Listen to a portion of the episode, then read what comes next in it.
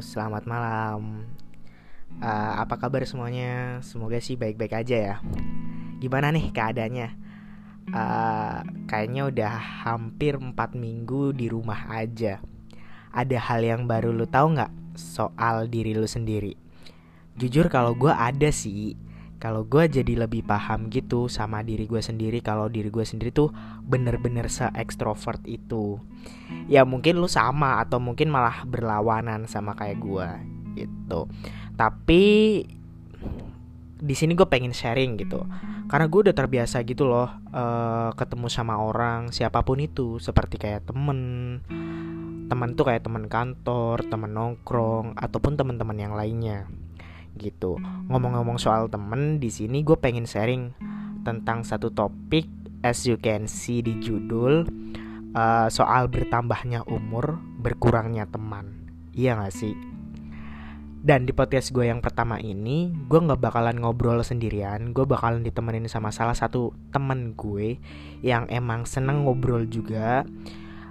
Daripada kelamaan, mending langsung kita telepon aja ya orangnya.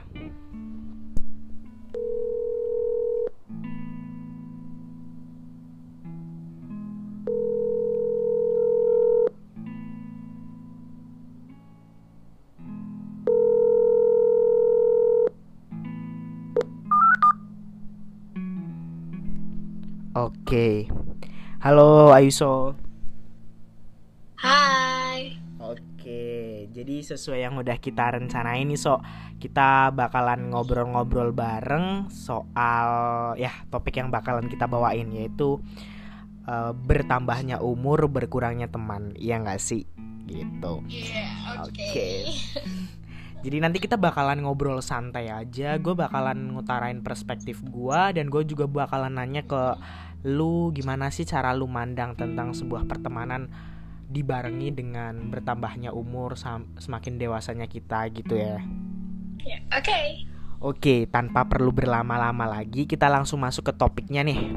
Nah, di sini gue pengen nanya nih, nih so ke lu ya. Uh, ya secara lu SMP, SMK, bahkan sekarang lu kerja sambil kuliah di lingkungan yang berbeda nih. I mean kayak lokasinya. Dulu lu SMP di Magelang, lu SMK di Purwokerto dan sekarang lu kerja sambil kuliah di Jakarta.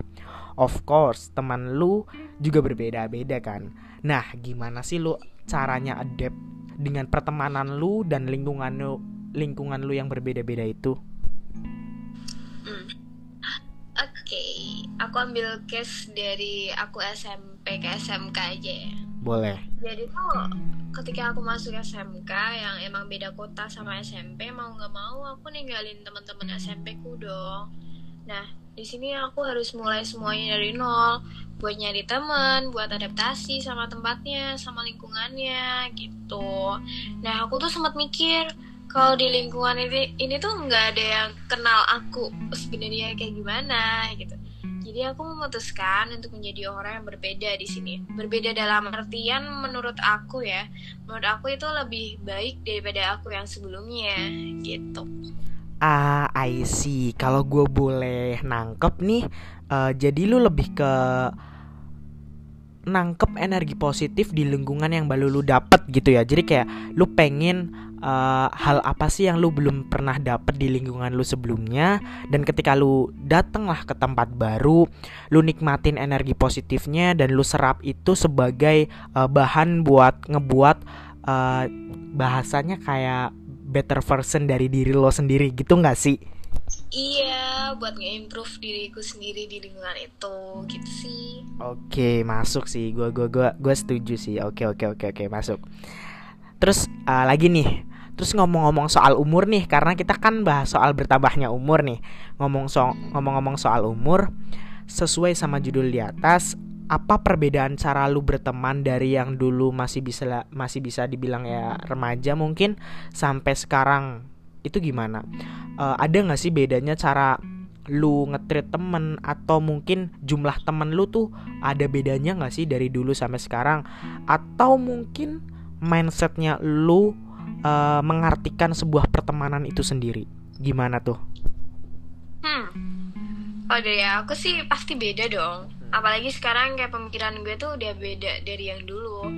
kalau dulu kan pokoknya aku harus berteman sebanyak mungkin karena aku orang baru di sini gitu aku harus berteman sebanyak mungkin biar paling enggak kalau aku misal ada masalah di sini bakal banyak yang bisa bantuin aku dan yang belain aku juga bakal banyak. Yang memihak aku pun bakal banyak gitu. Itu pemikiranku dulu ya. Pokoknya aku harus punya banyak temen deh gitu. Nah sekarang ini udah beda dari aku yang kayak gitu. Aku sekarang udah nggak peduliin banyaknya temanku sekarang tuh berapa. Kayak ya udah kalau misal kita saling kenal oke okay, udah itu bisa dibilang temen sih tapi masih temen biasa gitu menurut gue. Tapi kalau menurut aku ya udah kita cuman sekedar say hi terus eh apa kabar? or whatever gitu basa-basi dikit terus gitu. Ya udah aku nggak akan ngomongin lebih tentang diriku sendiri juga ke dia dan aku nggak mau tahu juga tentang dia lebih dan harusnya dia juga kayak gitu ya. Terus kalau buat orang temen yang aku anggap beneran temen tuh teman-teman yang nggak pernah eh bukan bukan nggak pernah sih. Pasti semua orang juga bakal ngomongin orang di belakang gitu kan. Nah orang yang baik sama aku tapi kalau emang aku ada buruknya mereka selalu ngomongin aku juga secara langsung. Nggak cuma di belakang gitu deh pokoknya.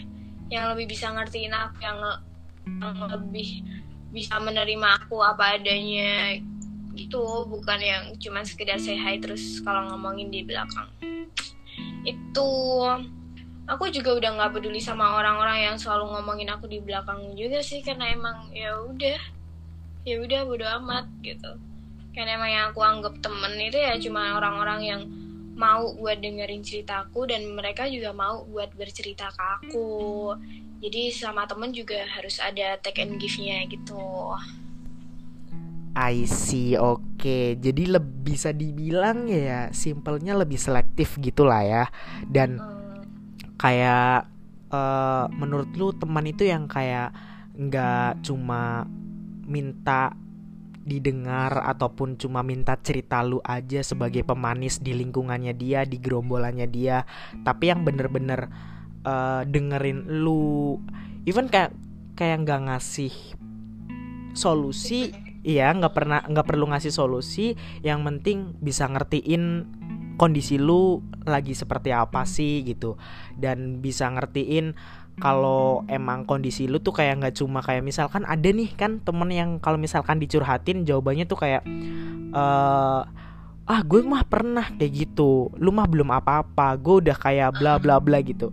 Kayak lu berarti ngehindarin banget orang-orang yang kayak gitu lah ya iya sih itu itu termasuk orang-orang toksik sih buat kayak buat mentalku juga Oke, gue setuju banget sama kata-kata lu yang terakhir. Jadi kayak uh, ada take and give gitu. Menurut gue itu perlu banget sih dalam sebuah pertemanan karena ya gimana kita cuma teman kayak hahi doang itu kan kayak udah bukan masanya kalau menurut gue sih mungkin dulu gue nggak pernah berpikiran seperti itu tapi dengan uh, semakin gue berjalan menurut gue itu hal yang penting banget sih dalam sebuah pertemanan take and give. That's it. Oke. Okay. Kalau dari lo sendiri gimana? lo kan lingkungan buat sekolah gitu juga beda walaupun gak jauh-jauh banget dari SMP ke SMK tapi kan lo sekarang di Jakarta gitu at least itu udah beda lingkungan dong jadi kamu gimana cara kamu adapt sama lingkungan itu sendiri? Oke, kalau gue ditanya, iya sih emang, gue nggak jauh-jauh banget kayak gue FYI aja sih. Gue SMP gue di Cilacap gue SMK gue di Purwokerto terus sekarang gue kuliah sambil kerja juga di Jakarta. Ya basically sama sih kayak lu. Tapi mungkin yang beda dari gue gue tuh dulu bener-bener uh, sebahagia itu mendapatkan banyak teman dan sesenang itu mendapatkan attention dari banyak orang gitu. That's why kenapa misi gue dulu waktu peralihan nih dari SMP ke SMK gue merasa oke okay, gue harus punya banyak teman dari segi circle apa pun. Even dari segi yang religius banget dari circle yang mungkin bisa dibilang uh, barbar atau belangsak dan sebagainya whatever you say ya terserah. Uh, intinya gue tuh nggak pengen uh, punya circle cuma dari satu golongan gitu loh kayak cuma dari hal yang baik doang gitu. Uh, you know what I mean lah ya seperti itu. Karena gue berkeyakinan bahwa ketika gue cuma punya circle yang baik doang tapi ketika gue lagi dijahatin let's say nih kayak gue lagi dibegal teman gue tuh semua anak ustadz semua gitu. Ya kali begal uh, ya kali begal bisa didoain terus abis itu bisa kepanasan gitu kan? Enggak kan jadi kayak dulu gue sesenang itu. Pokoknya uh, apa pun uh, orang itu kayak gue pengen banget berteman sama siapa pun dulu gitu. Instead dia mau kasih hal positif atau negatif ke gue gue nggak peduliin so. Itu sih mungkin yang salahnya dari gue dulu. Jadi kayak uh, orang lain tuh mau ngasih hal positif atau negatif gue nggak peduli. Yang penting gue bisa berteman gitu. Jadi kalau boleh curhat sedikit gue pernah ngalamin juga sih kayak uh, gue disakitin sama teman gue sendiri kayak gitu. Ya itu pernah terjadi ke gue tapi bukan berarti semata-mata itu kayak salahnya dia sih karena ya gue nggak pernah seberharap itu ke temen gue jadi ya ya wajar kalau itu semua terjadi ke gue gitu. Karena sesimpel gue cuma pengen berteman dan sebanyak banyaknya gitu sih kalau gue dulu. Oh I see I see. Jadi pokoknya kamu tuh pengen temen intinya temen banyak lo nggak peduli temen lo itu ngetrit lo kayak gimana yang penting temen lo banyak orang lain juga ngerti temen lo banyak udah gitu. Iya bener banget kayak yang penting uh, temen gue banyak lebih ke kuantiti sih. Sebel, uh, daripada kualitas ya gitu. Kuantitinya berapa so, banyak oke okay, gitu. Mm, oke. Okay. so your cycle now Oke, okay, kalau ngomongin yang sekarang nih, sebenarnya uh, jujur gue pengen banget share gitu loh, karena apa? Uh, di lingkungan yang baru sekarang di lingkungan kerja gue, gue mendapatkan banyak banget teman yang bener-bener itu bisa ngimprove diri gue gitu. Gue rasa sih seperti itu, gitu. Ya of course teman gue bertambah gitu, tapi honestly nih, gue tuh seneng banget sama yang namanya ngobrol gitu makanya gue sering banget ngajak orang ngopi ayo uh, ke sini ke sini ke sini buat ngobrol gitu. Karena gue sedemen itu sama ngobrol. Bahasanya apa pun itu baik itu cinta hidup financial management kerjaan pertemanan apa pun lah gue suka banget sama yang ngobrol gitu. Even yang receh gitu gue suka gitu ngobrol bareng berlama-lama gitu gue suka gitu. Cuma ditemenin ya secangkir kopi gitu lah ya gue suka Nah terus nah dari kesukaan gue itu gue suka ngobrol itu sekarang itu jadi cara gue buat uh, mencari sebuah pertemanan yang emang ideal bagi gue gitu. Karena menurut gue gue berpandangan bahwa teman yang ideal sekarang adalah yang bisa mendengarkan cerita gue dan dia yang mau menceritakan keluh kesahnya dia ke gue sesimpel dia menjadi pendengar yang baik buat gue gitu sih. Begitupun sebaliknya gue bisa menjadi pendengar yang baik buat dia gitu. Gue nggak perlu lagi tuh yang kayak dulu kayak yang namanya banyak teman gue senang mendapatkan attention dari banyak orang. Sama sekali itu udah berubah mindset gue. Bukan berarti gue menyalahkan enggak. Tapi karena mungkin apa ya perjalanan yang gue hadapi sekarang menuntut gue untuk ke arah situ gitu. Jadi yang lebih gue pikirkan adalah seberapa nyambung sih gue sama orang itu ketika emang gue ngerasa klop oke okay, gue bakalan merjuangin orang itu untuk jadi temen gue gitu. Dan bisa dibilang ya gue bakalan loyal sama orang itu gitu sih. Jadi lebih ke uh, kualitas ngobrol gue sama orang terus gue sekarang udah mikirin banget tuh yang kayak apa sih ketika gue ngobrol sama orang ini gue bisa improve apa gitu. Karena gue bener-bener lagi belajar buat nyari better version dari diri gue sendiri juga gitu. Gue nggak pengen jadi yang terbaik dari yang paling baik gue cuma pengen jadi yang at least lebih baik dari versi gue sebelumnya gitu sih. Terus satu lagi sih uh, di masa yang sekarang jujur gue juga sangat ngehindarin teman-teman tuh yang kayak apa ya bisa dibilang kayak gini. Misalkan uh, sini sini curhat gitu. Kayak cuma pengen mencari cerita gue doang gitu loh. Dan nantinya cerita gue bakalan disebar dan jadi konsumsi publik gitu. Buat pemanis di gerombolannya dia. You know lah kayak gitu iya, iya, iya. Nah gitu, gue bener-bener sangat ngindarin banget sih kayak gitu. Karena gue dulu pernah gitu, gue cerita apa pun ke temen Tapi yang ada malah Ya itu, cerita gue jadi konsumsi publik gitu. Gue sangat uh, menyayangkan aja sih hal-hal kayak gitu dan gue lagi menghindari orang-orang yang seperti itu gitu.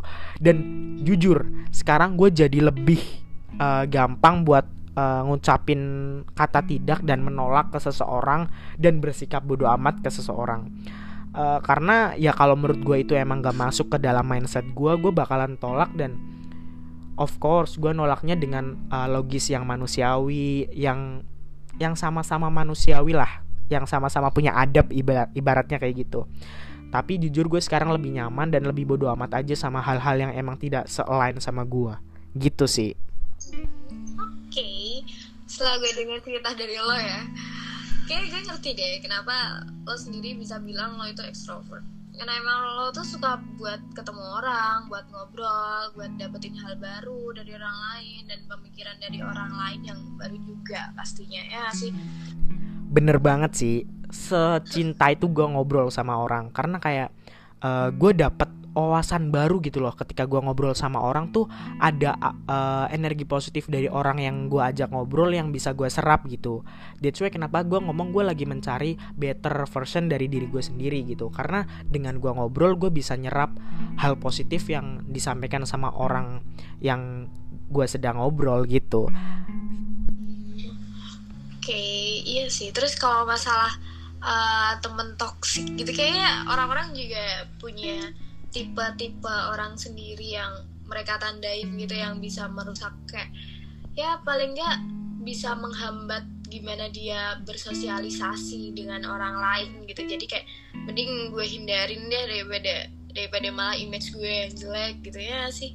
Bener banget sih. Mungkin lu ada tambahan soal teman toksik kalau dari gue ya kalau tipe-tipe orang yang bakal hindarin tuh ya cuman yang sebenarnya kita tuh kayak cuman say hi doang terus gue nggak akan mau cerita gitu sama lo sebenarnya ya. Tapi malah dia itu uh, ngejelekin gue mungkin di belakang di circle-nya dia. Jadi kayak circle-nya dia tuh jadi menghindarin gue gitu kayak jadi menghambat juga gue mau berteman sama circle-nya dia gitu. Gitu kayak udah mending gue menghindar dari orang-orang itu ya. Males gue Oke, bener banget sih. Kalau emang kalau udah setoksik emang ya nggak nyaman aja buat diterusin gitu kan. Oke, dan kayaknya nggak asik kalau cuma kita doang deh uh, dari perspektif kita doang gitu.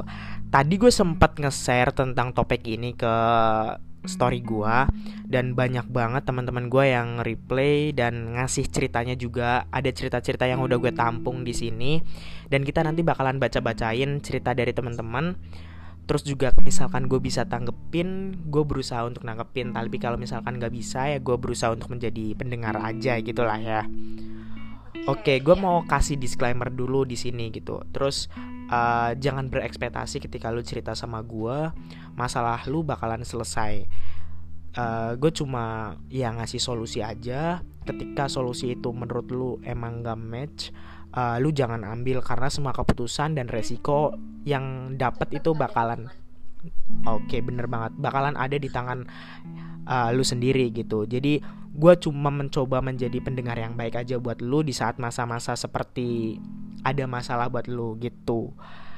Dan nanti cerita yang bakalan kita bacain di sini namanya kita bakalan samarin karena sesuai dengan persetujuan uh, kita bakalan samarin namanya. Oke, langsung aja kita bacain dari yang pertama dari Barbie. Uh, dia bilang semakin nambah umur teman tuh udah bukan lagi yang cuma buat hahihi foya-foya doang tapi yang ada saat di atas dan di bawah. Tahu plus minusnya masing-masing dan gak ninggalin kita apa pun yang terjadi. Jadi ya udah pasti bakalan kesortir sendiri sih. Itu kata si Barbie aku setuju banget sih. Ini kayak sama juga sih sama yang gue alamin kayak ya udah kalau emang cuman say hi terus basa-basi ya udah sebenarnya nggak apa-apa. Tapi yang beneran temen gue nih sebenarnya tuh yang selalu ada yang bisa ngertiin gue yang gitu deh. Bener banget sih. Jadi kayak si Barbie ini lebih ke uh, next yang lebih serius gitu ya pertemanannya yang lebih membahas tentang uh, gimana kita menjadi lebih baik lagi hal apa yang bakalan kita achieve ke depannya gitu ya. Ya nggak cuma ya hahi doang. Bener banget sih si kata si Barbie ini. Gue setuju banget sama si Barbie ini. Oh, Barbie. Next ada Anto. Yang aku rasain bertambahnya umur itu benar teman semakin ke sini semakin berkurang dan jarang komunikasi. Paling cuma teman segeng atau setim permainan aja karena kita terlalu fokus bekerja. Dan kalau diajak main itu kalau nggak ada tujuan misal buang-buang duit nongki nggak jelas itu banyak yang nolak. Harus ada tujuan gitu. Jadi kalau ngajak harus jelas tujuannya kayak kayak gini kayak nongki sambil ngerjain project gitu. Dan juga aku lagi hindarin cewek wak wak soalnya ganggu banget fix. Ah why cewek Anjir, anjir, anjir. Ini gue relate banget sih sama si Anto ini. Gue bener-bener ngalamin di masa gue dulu SMK gitu. Karena ya tuh biasa gue seneng banget buat kayak ngelakuin hal-hal produktif gitu kan. Karena gue tahu gitu, mimpi gue tinggi gitu. Gimana gue bisa achieve ya karena uh, bukan karena uh, gue harus lebih dari yang lain gitu karena mimpi gue tinggi kalau misalkan gue jalan setara orang normal ya gue bakalan gak bisa achieve apa yang gue mimpiin gitu. Dan di sini dia kayak uh, dia bekerja mungkin project kan freelance kali ya yang dimaksud sama si Anto di sini. Oh ya Oke, terus dia mention di akhir hindarin cewek. Gue relate banget iya. dulu di masa-masa di masa-masa gue pengen serius buat ngejar itu kayak emang gak ngeganggu sih, tapi lebih kayak gue tuh kepengen ketika berhubungan itu kayak berhubungan yang lebih mature gitu loh. Jadi kayak ketika lu punya uh, goals ataupun pasangan lu punya goals uh, prioritasin lah goalsnya. Jangan uh, satu sama lain atau dalam hal ini jangan pasangan lu yang diprioritasin gitu. Tapi prioritasin lah goalsnya. Lu ada di belakang dia buat uh, ngebantu dia achieve goalsnya dia gitu kan. Gue tuh uh, berkeinginan seperti itu. That's why kenapa? Tapi itu susah. Gue jujur itu susah di masa-masa SMK itu susah gitu. Jadi gue lebih baik untuk ngehindarin cewek dibanding uh, goals gue malah failed gitu loh. Uh, jadi kayak kamu menghindari yang membuat ya oleng dikit lah buat lo ke goals gitu ya sih? Bener banget ya itu sih maksudnya. Walaupun kalau kalau kalau kita ngomongin masalah cewek gitu ya emang nggak semua cewek gitu bisa ngebuat goalsmu terhambat gitu. Tapi palingnya kamu menghindari resiko itu ya sih? Iya gue lebih nggak ambil resiko aja sih. Oke okay. okay, next dari si Jessica. Jessica bilang tuh uh, karena makin males buat kenalan. Makin males buat ketemu orang baru apalagi kalau udah nyaman sama circle tertentu. Makin gede jadi ada pikiran teman gue dikit gak apa-apa yang penting sefrekuensi oke jadi kayaknya si no, uh, si Jessica ini uh, dia udah di tahap kayak ah gue males buat nyari-nyari lagi ah gue males buat cerita tentang diri gue tuh seperti apa buruk gue tuh apa baik gue tuh apa gitu jadi lebih ke uh, nge-intimate yang udah ada gitu ya yang udah sefrekuensi dia perbaiki dia pertahanin gitu kali ya Iya, nggak perlu ngulang dari nol buat nyari yang sefrekuensi lagi. Iya, bener banget sih. Tapi emang perkenalan itu gue akui itu ngebosenin banget sih, ngeboringin banget yang namanya perkenalan. Bener sih. Kayak harus mulai dari nol gitu. Kita harus ngertiin dia sebenarnya gimana sih kalau ngobrol gitu ya. Iya bener banget. Uh, Oke, okay, tadi gue sempet chatting sih sama si Jessica ini. Uh, gue sempet follow up tentang apa namanya, gimana suatu saat nanti jika teman-teman yang lu sefrekuensi itu bakalan ninggalin lu gitu. Terus kata si Jessica dia bilang, it's okay karena pada dasarnya people come and go. Gue setuju banget sama prinsip hidupnya si Jessica ini. Iya, jadi karena ya memang sih uh, teman juga bakalan come and go gitu. Uh, tapi ya ketika sedang datang ketika itu emang sefrekuensi sebisa mungkin ambil semua uh, energi positif yang bisa lu dapat gitu sih. Setuju sih setuju banget. Oke okay, next. Oke okay, next ada Michael. Dia bilang gini makin ke sini gue makin dikit temennya.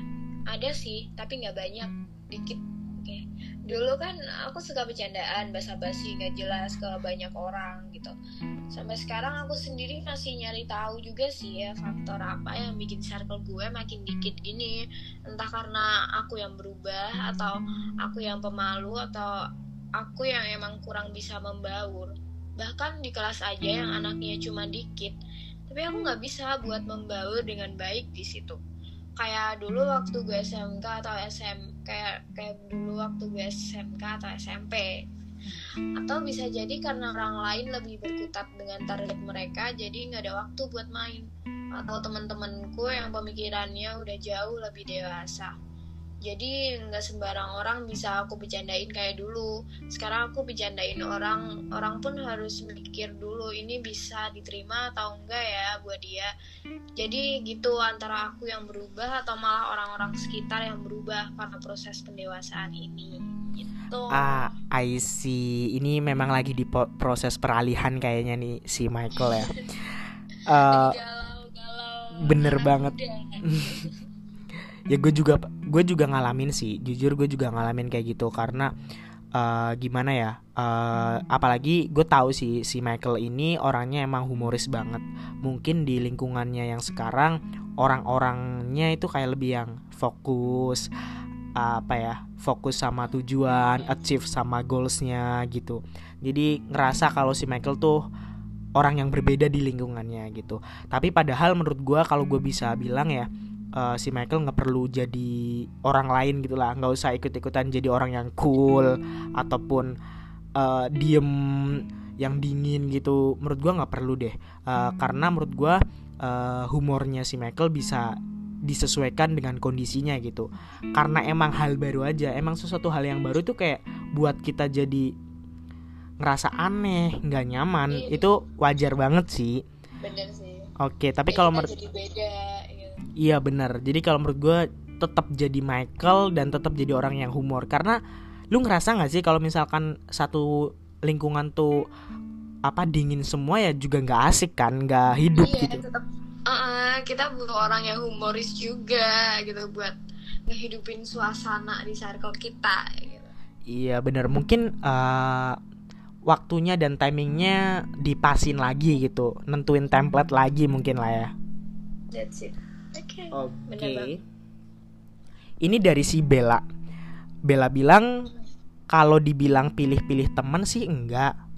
Tapi semakin ke sini emang cakupan atau circle pertemanan semakin kecil karena banyak teman-teman yang mungkin udah urusan atau kesibukannya masing-masing.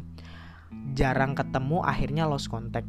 Ya pada akhirnya kita cuma temenan sama yang lebih akrab aja gitu. Bahkan sama yang akrab aja kalau hanya sekedar chat atau yang lihat story doang. Ketika kita bertemu aja kita ngerasa canggung. Jangankan temen di lingkungan keluarga pun atau saudara jika ketemu saudara yang emang jarang bertemu ketika kita waktunya bertemu pun ngerasa canggung. Kayak ngelakuin hal-hal yang aneh ketika bertemu cuma pegang-pegang gadget sendiri atau malah menghindar.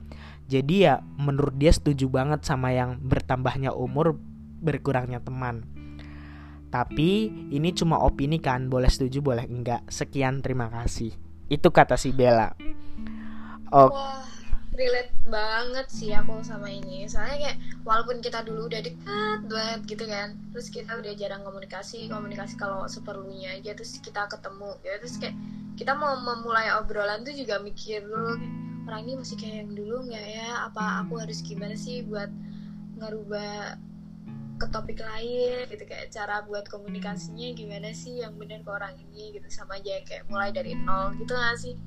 Iya bener banget. Soalnya gue mau cerita dikit nih uh, sekarang gue ngerasa kayak teman itu udah bukan berdasarkan momentum dan uh, timing lagi gitu loh kayak oh teman SD gue teman sama si A. Oh gue SMP gue teman sama si B. Oh SMK gue teman sama si C gitu. Menurut gue udah bukan masanya untuk seperti itu lagi. Kalau gue ya sekali lagi di kasus gue ini. Jadi gue lebih bermindset bahwa uh, teman itu ya tadi seperti yang udah gue katain di awal gitu. Lebih ke gimana sih kita nyambung gak sih satu sama lain? Kita uh, connect gak sih ketika kita ngobrol gitu? Jadi buka nggak ada lagi yang namanya oh teman gue tuh kayak teman-teman SMK oh teman gue tuh kayak teman-teman SMP nggak gitu. Uh, instead on kak lu nggak kuliah lu nggak SMK lu bakalan tetap punya temen gitu. Tapi lebih ke yang arah uh, hati ke hati gitu ketika ngobrol gitu. Logis saling menghargai terus respect sama lain gitu sih bener-bener iya ini mungkin yang terakhir nih karena waktunya udah mulai panjang. Ini yang terakhir. Oke, okay, bisa lu baca ini. Oke, dari Nena. Jumlah teman akan semakin berkurang ketika kita memutuskan pindah ke tempat baru. Memutuskan hidup sebagai perantau di kota baru memang terasa asing. Apalagi kita harus meninggalkan keluarga dan teman-teman di kota asal. Sadar atau enggak, jumlah teman kita akan menyusut ketika kita memutuskan berpindah tempat tinggal. Meskipun kamu sudah berupaya semaksimal mungkin untuk tetap menjalin hubungan lewat perantara digital, tetap saja ada perubahan yang terjadi. Ketika pindah, kita akan cenderung fokus pada beberapa orang terpilih untuk dijadikan teman dibanding mencari teman sebanyak-banyaknya. Tetapi men tetap menjalin kontak dengan kawan lama melalui telepon bisa dilakukan demi menjaga pertemanan. Namun hal ini perlu usaha ekstra karena kita semua memiliki kesibukan masing-masing di kota asal. Anjas, anjas. Oke, oke, oke, oke. Kata-katanya keren ya. Oke oke, gue bisa ngerasain sih apa yang ditulis sama si Nena ini. Jadi kayak lebih ke respect ke orang karena kita uh, pertemanan itu bisa dibilang kayak ini juga ya, so kayak apa? Kayak relationship pacaran. Iya, bener banget. Kayak pacaran. Karena misalkan kita LDR, kita harus saling ngerti juga teman kita tuh lagi di kondisi kayak apa sih? Ketika dia kerja kerjanya dia lagi kondisinya kayak apa? Uh, dia lagi dapat masalah apa? Pulang kerja dia lagi dapat problem apa? Kan kita nggak tahu gitu loh. Jadi kita lebih kayak ke respect gitu ke orang gitu karena kita nggak tahu kondisinya lagi seperti apa kesibukannya seperti apa gitu jadi ya bisa susah-susah gampang gitu sih kalau untuk ngejaga uh, hubungan jarak jauh di pertemanan gitu sih Iya sih, bener sih sama aja kayak ngejaga kalau lo LDR sama pacar lo gitu. Bener banget. Oke oke oke oke oke. Oke, sepertinya karena sudah terlalu panjang kita ngobrolnya dan udah terlalu ke sana ke sini, uh, gue pengen ngesimpulin sih dari topik yang bertambahnya umur berkurangnya teman. Uh, gue disclaimer di sini, uh, bener-bener gue nggak kepengen ngeungkap ini menjadi hitam atau putih atau benar atau salah, tapi lebih kalau menurut gue itu lebih ke proses pembelajaran yang lo alamin gitu loh. Uh, karena yang dulu gue merasa bahagia dengan banyaknya teman dan sekarang gue lebih bahagia dengan teman yang lebih bisa diajak ngobrol ya bisa dibilang ngobrol-ngobrol sambil ngopi gitu loh. Jadi ya lebih ke sudah sampai mana sih uh, pembelajaran yang lu ambil dan sudah sampai mana proses yang lu jalanin sudah sampai mana uh, jalan yang lu ambil sejauh apa gitu loh. Karena menurut gue misalkan omongan gue di sini emang gak relate ke lu ya itu bukan salah lu kenapa lu nggak uh, relate sama gue dan menurut gue mungkin emang lu nggak ngerasain apa yang terjadi sama gue gitu jadi bertambahnya umur berkurangnya teman di sini bukan sesuatu hal yang benar ataupun salah, tapi sebagai uh, cerminan sudah sampai mana sih lu ngalamin sebuah uh, problematika pertemanan lu hingga akhirnya ngerubah mindset lu gitu sih. Lu ada tambahan nggak so mungkin? That's.